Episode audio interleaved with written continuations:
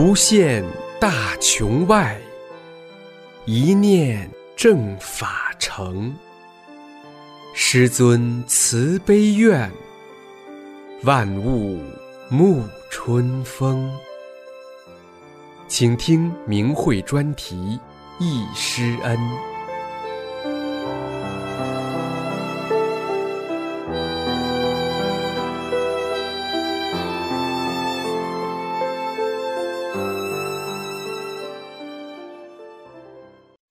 请听明慧忆师恩专题文章，题目是李洪志师傅的简谱。文章发表于明慧网，二零一零年六月三日。作者程宇。我刚开始走进大法修炼时，有朋友去山东冠县探访，也是修炼法轮功的亲友。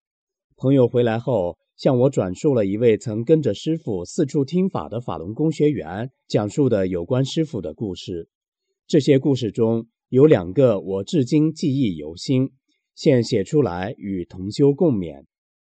有一次，师傅讲完法后，对台下的学员说：“师傅要请跟班听法的冠县法轮功学员吃饭。”十几个冠县学员与师傅坐在一起，大家当然都很激动。那天吃的是饺子，因为饺子做的有点咸，有几个学员没有吃完，就放下了碗筷不吃了。师傅吃完自己的，顺手把就近的一个学员剩下的半碗饺子倒在自己的碗里吃起来。其他没吃完饺子的学员一看，都默默的又拿起了筷子。还有一次，冠县法轮功辅导站的人员去北京法轮大法研究会办事，到饭馆吃饭时，大家说吃手擀面吧，于是订了手擀面。可是稍后端上来的却是机器压的面条。冠县的学员就说：“他给咱上错了，咱要的是手擀面。”说完，他就找服务员去理论。可是研究会的那几个学员都不动声色地端起碗吃了起来。他回来一看这个情境，一下子就明白了自己和人家的差距。当时是个人修炼时期，大家都知道，修炼就是在自己日常生活中由一点一滴的小事做起。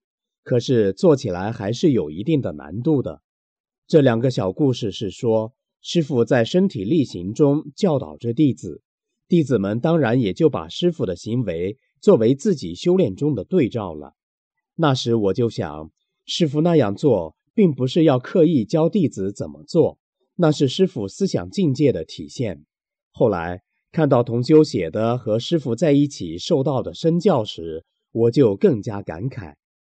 一位当年跟随师傅在各地办班的北京学员说：“连续几年在火车上，师傅只吃方便面；到了办班地点，晚上开课之前，师傅向来不吃晚饭。讲完课回到招待所，已是晚上八九点，招待所已经没有饭吃了。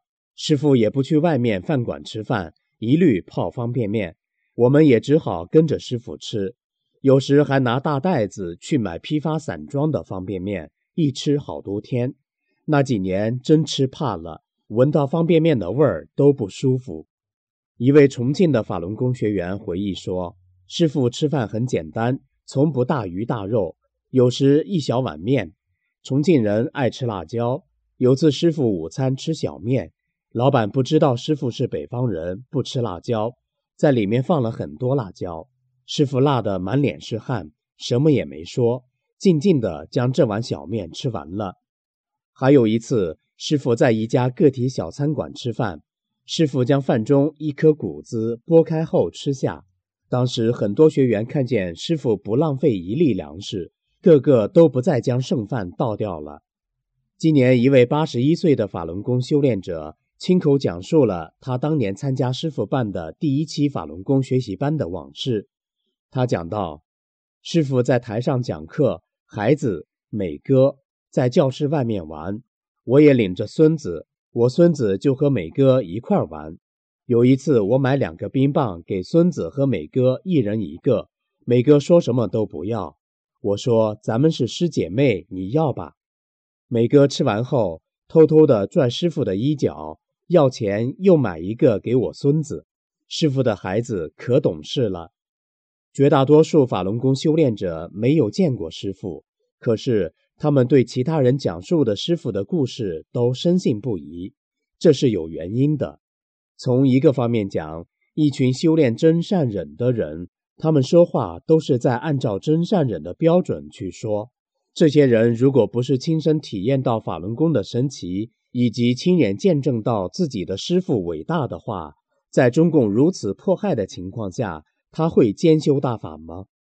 从另一个方面讲，那么多的法轮功修炼者，他们虽说没有见过师傅，可是有大法的法理做指导，他们在修炼中就是这样修炼过来的，就是在放弃各种人心的执着中达到今天这一步的。他们高境界的思想所形成的良好的生活习惯，就包括有珍惜粮食、宽容待人、一切都为他人考虑等等。他们能做到这一步，不就是遵照着自己师傅的教导去做的吗？他们有什么理由不相信自己的师傅会那么好呢？其实，何止是他们，所有接触过法轮功修炼者的民众，他们从法轮功学员日常生活中。不也能感受到大法美好和伟大吗？当然，我们也应该看到简朴是道德高尚的人在特定情况下的自然表现。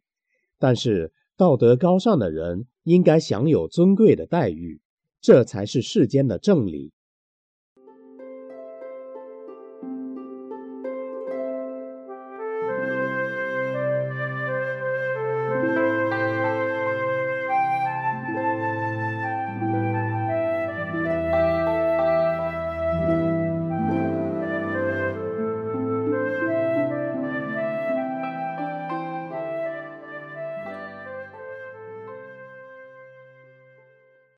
请听明慧忆师恩专题文章，题目是《难忘的延吉法轮功学习班》，作者延边大法弟子彩云。文章发表于明慧网，二零一零年五月十三日。我是亲身参加李洪志师傅九四年八月在延吉传法传功班的弟子，这是我终生难忘的日子。人生转折是我走上修炼法轮大法之路的开始。修炼前，我身体非常虚弱，因为生孩子大流血，一直没有恢复，加上有病乱投医，大夫误诊误治，落下了多种疾病，如贫血、紫癜、心悸、胃炎、盆腔炎、肠炎、咽炎。高粘血症、冠心病等等，整天在病痛中煎熬。大热天，人家都穿着单衣，我还捂着棉衣棉裤。我年纪轻轻，却是一个药篓子，几乎每年都得住一两次医院，自己痛苦，家人也苦恼。正当我走投无路，对生活失去信心时，师父来延边传法，从此我修炼法轮大法，至今一粒药没吃过，百病全无，病的概念已经与我无缘。单凭这一点，江泽民操控中共迫害抹黑法轮功，我能相信和服从吗？有些世人不理解大法弟子不畏迫害的坚定信念。也是因为他们没有切身的体会，其实又何止是身体好呢？九四年至今已过去十六个年头了。每当忆起师尊来延吉讲法传功的日子，眼前就会浮现出师尊讲法的场景，泪水禁不住流下。师尊能来延吉边陲小城传法传功。这是非常难得的机缘。听说当时各地邀请函很多，师尊选择来延边，这真是延边地区的福分。这次传法班是在延吉体育馆举办的，为了不影响学员白天的工作，都是晚上开班的。当时收费是全国气功界最低的，新学员每人收五十元。因为期间有一个周日，师尊为了抓紧时间，也为了周边县市和外地来听课的学员少一天辛苦，节约费用，一天讲了两个晚上的内容，比原计划提前了一天结束，每人又给退了七元。按理说，内容已经全部讲完了，讲课的时数也都保证了，这钱是完全可以不用退的。师尊把这次办班收入的七千元钱。当场全部捐赠给了延边红十字会。从这两件事上，我看到了师尊高尚的道德和博大的胸怀。每天开班时间是下午六点到八点，这八天下来，我真是脱胎换骨，无病一身轻，身体净化了，心灵也净化了。记得开班的第一天。当我走进体育馆时，眼前的壮观场面震撼着我。大法轮悬挂在讲台西侧墙上，厅内几乎座无虚席，足有三千多人。我心想：这么多人，此功一定不一般。看来真来对了。这时，全场响起了热烈的掌声。师傅来了。我的眼睛一直跟着师尊，师尊高大伟岸，慈祥超凡，仪表堂堂。师尊落座后，先调试了扩音器，简单几句做了自我介绍，就开始讲法了。只见师尊从上衣兜中拿出一个小纸片，没有任何讲稿，一气讲了两个来小时。师尊虽用口语讲法，但深入浅出，声声入耳。现在知道，师尊传法时，每个语音、每个手势都打出无数的法轮，在给学员调整身体。过去我也接触过别的气功，都是只讲祛病，不讲法理。今天知道，气功不只是祛病。还有更高的内涵是修炼，只有修炼做好人，才能真正祛病。师尊讲完法，起身站在讲台一侧，让全场学员原地站好，告诉学员：“我喊一二三时，大家一起跺脚。”当师尊喊到三时，只见师尊扬起右手臂，用力往下一拽。由于人多没跺齐，师尊又让重来一遍。那些第一次没跺齐的学员担心会没有效果，此时都高兴地放下心来。第一天班结束了，我走在回家的路上，别提那个轻松了，好像被人拎着走，脚底生风，从来没有的舒畅。我的身体里涌动着一股热流。第二天早晨一起床，我就感觉昏昏沉沉的不舒服，腿沉头晕，越来越难受。这天真有些支持不住了。后来知道这是师傅给弟子消除病业、清理身体的暂时反应。说来神奇，当我来到体育馆外。听到悦耳的练功音乐时，难受开始缓解。师尊开始就讲：“昨天我给大家清理了身体，有人感到一身轻，今天开始难受了。”我心里一惊：“啊，原来是这样，太神奇了！”我又一次默默嘱咐自己：“好好学吧，今生就选这一门。”别无他求。当时有一件事给我很大震动。一天，有一学员捡到一个金项链，把它送到了主席台。到了第二天开课前，师尊让丢失者去认领。师尊说：“法轮功场地是一块净土，无论谁丢了什么都能找到。”这件事我一直记忆犹新。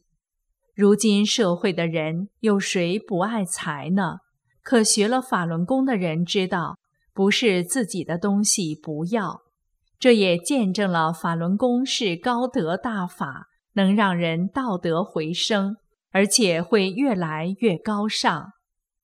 法轮功在中国大陆红传十八个年头了，有谁听过修炼法轮功的贪污腐败的？八天班下来后，我像换了个人，不仅身体净化了，心灵也净化了，整个人的世界观都变了。我开始相信过去老人讲的神佛之事，开始懂得了人生真正的意义。逐渐的明白了修炼，在这八天里，我见证了师尊的慈悲，处处为学员着想，为学员负责。十天的课，八天讲完，不怕累，不怕苦，只为学员节省时间和费用。每天开课前，师尊都要亲自试扩音器的音量，问后边的学员是否能听清。每次课后交工时，师尊都全场缓缓绕场巡视，全场一派祥和。老学员热心地纠正着新学员的动作，三千多人有序地、静静地学着每一个动作。八天下来，五套功法的动作要领全教会，一步到位。最后一天是解答学员提出的疑问。当时有人连自己个子矮，怎么能长高都提出来了，可是师尊也做了耐心的解答。答以后，有学员要求师尊打大手印，我当时不懂什么是大手印。只见师尊盘腿坐在桌子上，首先讲解了练静功时腿双盘、单盘的要求要领。看见师傅盘腿时。双腿是那么轻巧的就盘上了，坐姿庄严，心中油然升起了敬意。只听师尊又严肃地说：“要求打大手印，不是不可以打，不能光想看热闹，开开眼界，要实修才行。”看着师尊挥动着手臂，我的眼泪不知不觉地流了出来，心里想。我有师傅了，我是法轮功学员了。在参加师尊讲法班时，我的心里就许下了愿：今生今世修定了法轮功，认定师傅了。转眼十六年过去了，在师傅的呵护和大法的指引下，我对佛法修炼有了更深刻的认识。真正明白了修炼和正法的伟大意义。当黑云压城时，我毫不怀疑，不动摇，坚持信师信法，什么也不能阻止我修炼的脚步。谢谢伟大的师尊，双手合十。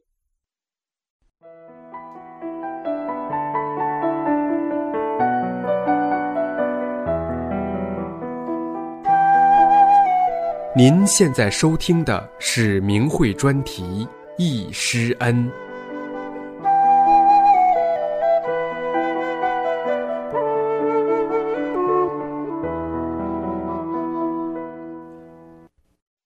请听明慧易师恩专题文章，题目是“师傅面授班结束后，我收到二十元退款”。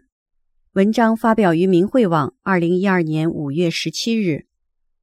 我今年七十岁，是个非常幸运的老太太。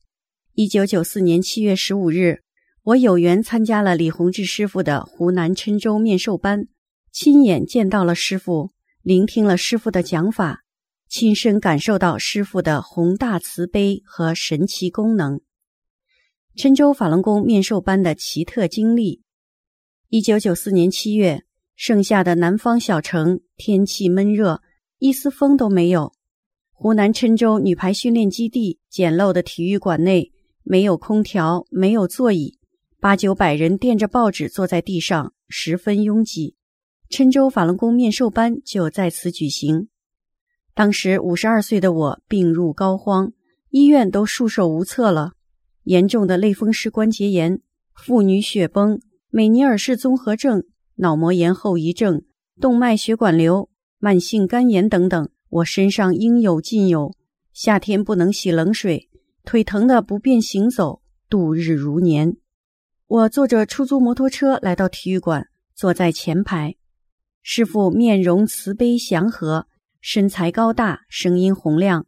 我和周围的学员一样，汗流浃背，拿张报纸使劲扇风。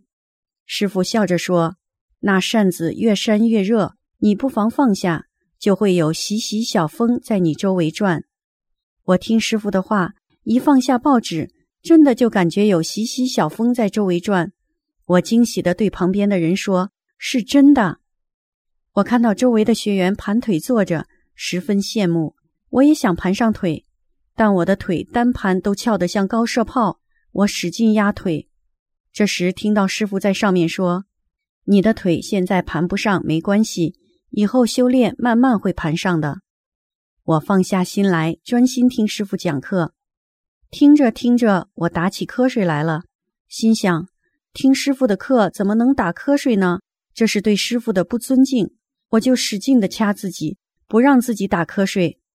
这时师傅又在上面说：“你想睡就睡吧。”我讲完了，你也睡醒了，因为你脑子里有病，不给你锁着，调整起来你会受不了的。原来是师傅在给我调整身体，我明白了。一节课我都似睡非睡，但醒来后却感到非常精神，很舒服。课间休息的时候，师傅走下讲台，学员都围了上去，问这问那，师傅面带微笑，一一回答。我在心里责怪这些学员。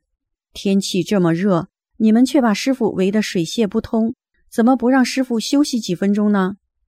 师傅仿佛毫无疲倦之意，一直答复学员的问题，又接着讲课了。听完第一天的课，我就感觉一身轻松，竟然能自己走路回家了。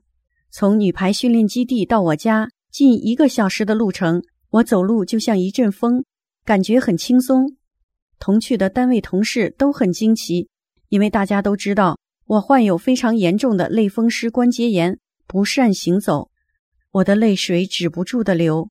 这个功真神奇，师傅讲的都是真的，师傅救了我的命。面授班结束后，退给我二十元学费。师傅的面授班一般都要办九天，收费标准是每人五十元。这种收费标准，当时在全国范围来讲是最低最低的了。其他门类的气功办班都要高出好多倍。郴州面授班由于特殊原因只办了四天，其实虽然只有四天，但师傅的付出一点都没有少，该讲的、该给的全都讲了、给了，不缺一样。在四天内，师傅也讲完了所有的课程。师傅是利用白天晚上加班授课。学习班结束后，七月底，我单位的张某。他是师傅的传法传功班工作人员，他找到我说：“学习班学费只收三十元，退你二十元。”我追问为什么要退钱？一般气功班都是在结束时加钱，你们还要退钱？八九百人都要退，怎么找得到人？说实话，我只见过多收费的，头一次见到主动退钱的。张某说：“是一定要退，师傅要求的。”因为压缩了学习班的时间，师傅说一定要退学费。我接到钱，心中感动的禁不住流下了泪水。这个功好挣啊！法轮功师傅太好了。听说很多学费是在学习班结束后，工作人员一个个陆陆续续找到本人退回的。直到一九九七年，郴州法轮功辅导站工作人员告诉我们，最后一位学员的学费已经退回。她是一位北方的老太太，到这里来走亲戚，参加了学习班。一九九九年七月，江泽民操纵中共邪党迫害法轮功，竟然污蔑说师傅敛财。师傅对此一笑了之。师傅的人格有多伟大，这只有师傅的弟子才知道。那些跳梁小丑，除了为主子之命是从、颠倒黑白之外，还会什么？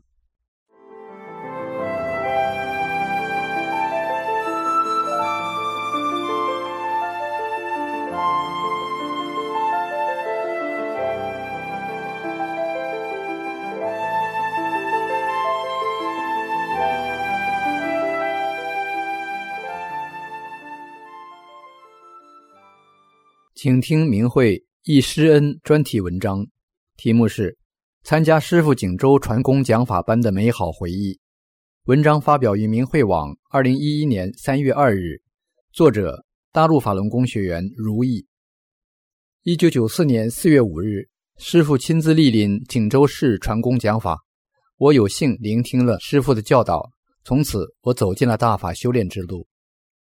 一，师傅慈祥。大法殊胜。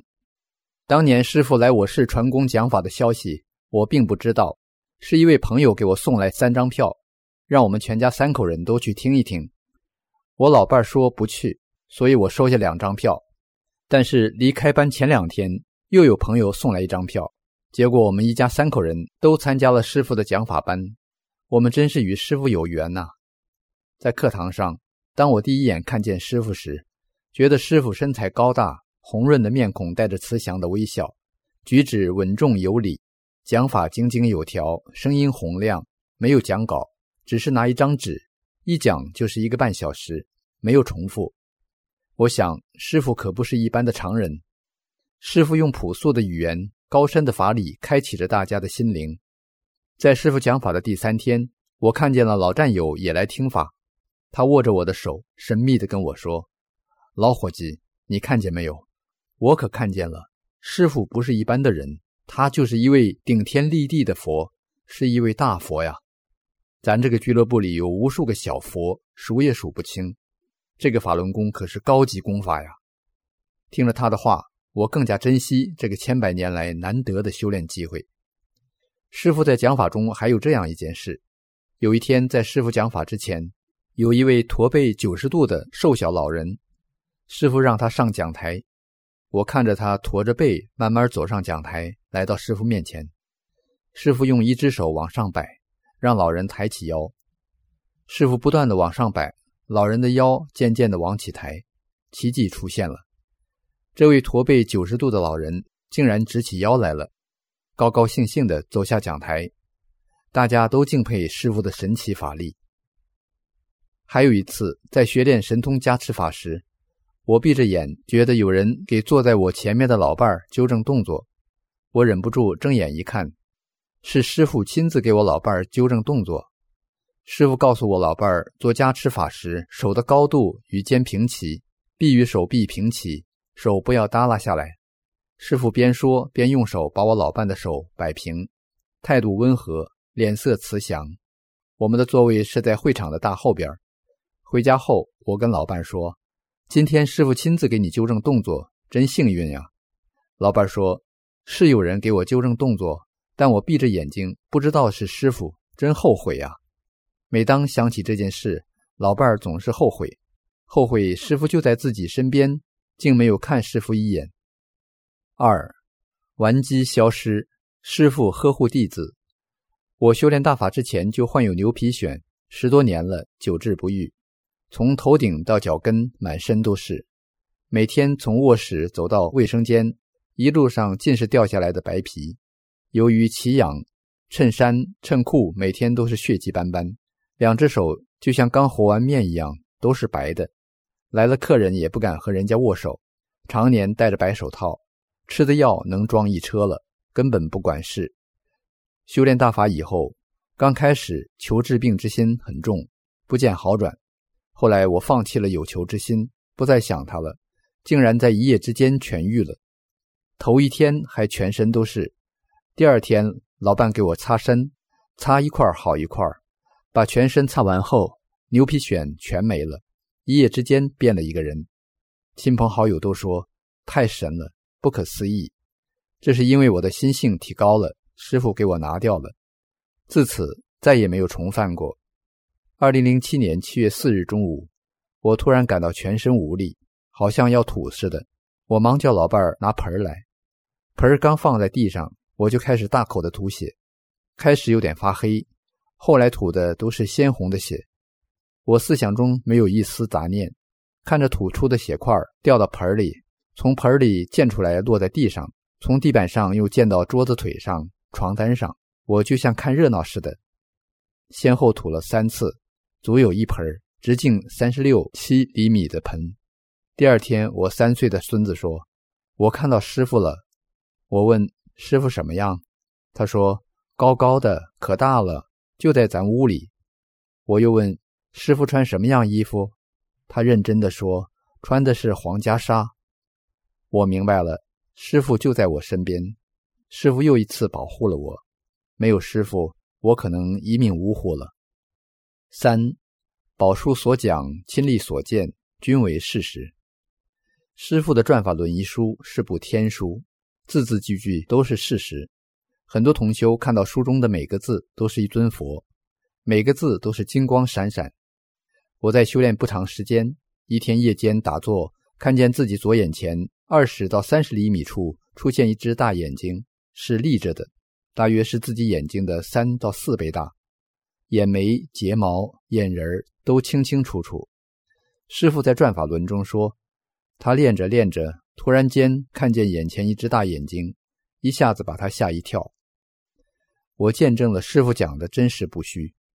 师傅在《转法轮》中说，也有一部分人到后来听明白了我讲课的内容，他放下了，身体净化了，别人都一身轻了，他才开始去病，才开始难受起来了。每个班上都有这种落后的、悟性差一点的，我就属于这种落后的。师傅的讲法班结束后，我才出现宵夜状态，全身发冷，盖三层被，搭一件大衣也不行，上牙打下牙，体温三十九点八摄氏度。第二天早晨就好了，以后还出现过拉肚子、浑身难受、肌肉疼、骨头疼，疼得躺不住、坐不住，在屋里来回爬，也是不到两天就好了。师傅从根本上给我们净化身体。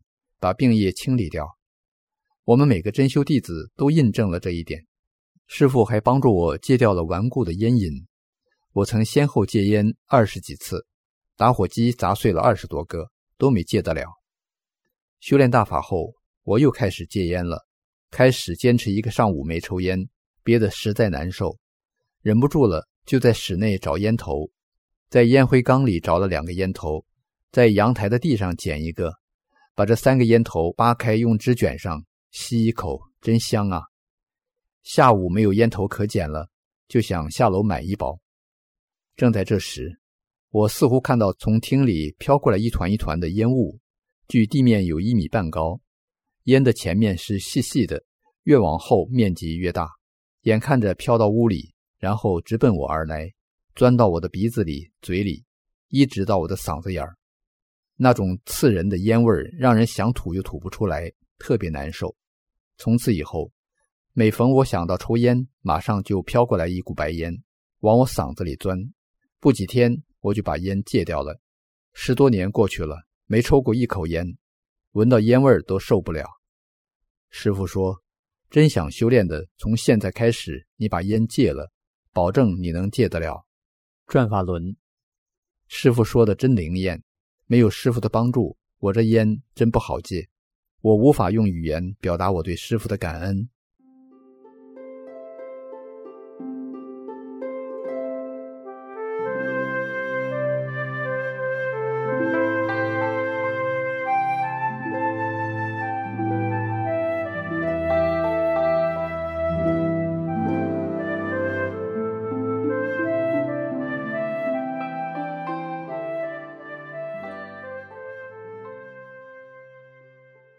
请听明慧忆师恩专题文章，题目是《忆参加两期师傅广州面授班》，作者广州大法弟子。文章发表于明慧网，二零一一年六月五日。师傅五次到广州传功传法，我参加过两次，分别是广州第四期班和第五期班。今天回想起来，真是幸运至极了。同时，我还觉得。得到这个法也不容易的。广州第四期法轮功学习班举办于一九九四年七月十九号到七月二十五号。那时也不知道什么叫考验，什么叫干扰，只是认为常人的工作没有准备和安排好。第四期开班前通知在市总工会上课，上课那天到了总工会后，才说要改在市委礼堂上课。这时，我们只好急急忙忙又乘车到市委礼堂。第二天又转到军区礼堂上课。师傅讲的都是从来没有听过的功理功法，所以我们听起来就觉得很新鲜。后来听见师傅说给我们下法轮了，叫大家把手抬起到前额做抱轮动作。正当我把手抬到头前时，旁边一人问我走不走，否则搭不到末班车了。二十公里要走两个多小时，我当时真有点担心。不知什么力量使我做出决定，我很坚定地说：“我不走了，我要听老师讲课，我要法轮。”我仍做着抱轮动作。师傅说：“我现在给你们下法轮了。”师傅话一出口，我立即感到整个身体周围有一种很强的能量，我的小腹马上感到有东西在转动。稍停几秒钟。我小腹又感觉有东西在转动，两条腿明显感觉到有一阵阵的凉风往外冒。因为我有风湿骨痛病，我知道师傅在给我调理净化身体，真是感谢师傅。过了一会儿，师傅给我们开天目了，同样是做着抱轮动作。我的两眉中间马上又非常明显感到有东西在转动。我知道是已经把我的天幕打开了，很高兴。师傅给的我都得到了。我想真不枉我要留下来听法。师傅高大魁梧，穿着白色的 T 恤，脸色红润，常带着微笑，面容慈祥。每天讲课不用带书，不拿本子，做好了就从上衣袋里拿出一张小纸条，放在台上，不用看就讲课了。讲完，把小纸条拿回，讲两个小时也不喝水，中间休息也不喝。师傅每天讲课都叫学员不要做笔记，静静听就行了。师傅教我们要怀大志而居小节，叫学员不用扇扇子，起来时凳子不要弄得啪啪响。上课前一定会告诉大家，上课不要迟到，迟到会影响别人听课的。师傅都会提早到会场，有时甚至早半个多小时。我记得很清楚，有一天师傅在大厅里闲走时，有一位学员走到师傅跟前说：“老师，我坐在楼上最后一排，看不清师傅您，我能否与您握握手呢？”师傅马上伸出手与那位学员握手了。当然，这位学员很高兴，我也为这位学员高兴。这么有缘分能与师傅握手，真是难得啊！广州第五期班，一九九四年十二月二十一日在广州体育馆举行，我们全家都参加了。当进到会场时，只见人头涌动，座无虚席。到底有多少人？当时我不知道，后来才知道有五千多人。整个会场好像有一个罩罩着一样。现在想起是能量场。师傅开始讲课不久，我整个人开始感到全身发热，随后就坐不端正了，身体像往下滑似的，头就靠在椅背上，时而会歪到一边，时而头又垂下，整个身体放松了，眼睛也闭上了，像睡觉一样。女儿坐在我旁边，她说：“妈，你不要这样呀，太难看了。”人家都没像你那样做的，我没有听她的劝告，我还是无动于衷，照样睡觉。但我听得清楚师傅讲什么。这正如师傅在转法轮中说的，有的个别人还会睡觉的。我讲完了，他也睡醒了。为什么呢？因为他脑袋里边有病，得给他调整。脑袋要调整起来，他根本受不了。所以必须得让他进入麻醉状态。他不知道，但有的人听觉部分没问题，他睡得很香，可是却一个字没落都听进去了。人从此精神起来了，两天不睡觉也不困。我没练功前有严重的头痛、头晕病，当头晕、头痛病发作时，就要呕吐，不能吃饭，失眠，难受极了，真是苦不堪言。这病一直折磨了我有二十多年，幸有师傅帮我把这病清除掉了。我修炼十六年来，再没有发过这种病。现在我真是无病一身轻，非常舒服的感觉，精力也充沛。十六年的修炼，难表我内心对师傅的感恩。弟子无以为报，唯有踏踏实实做好三件事，才不负师傅慈悲救度之恩。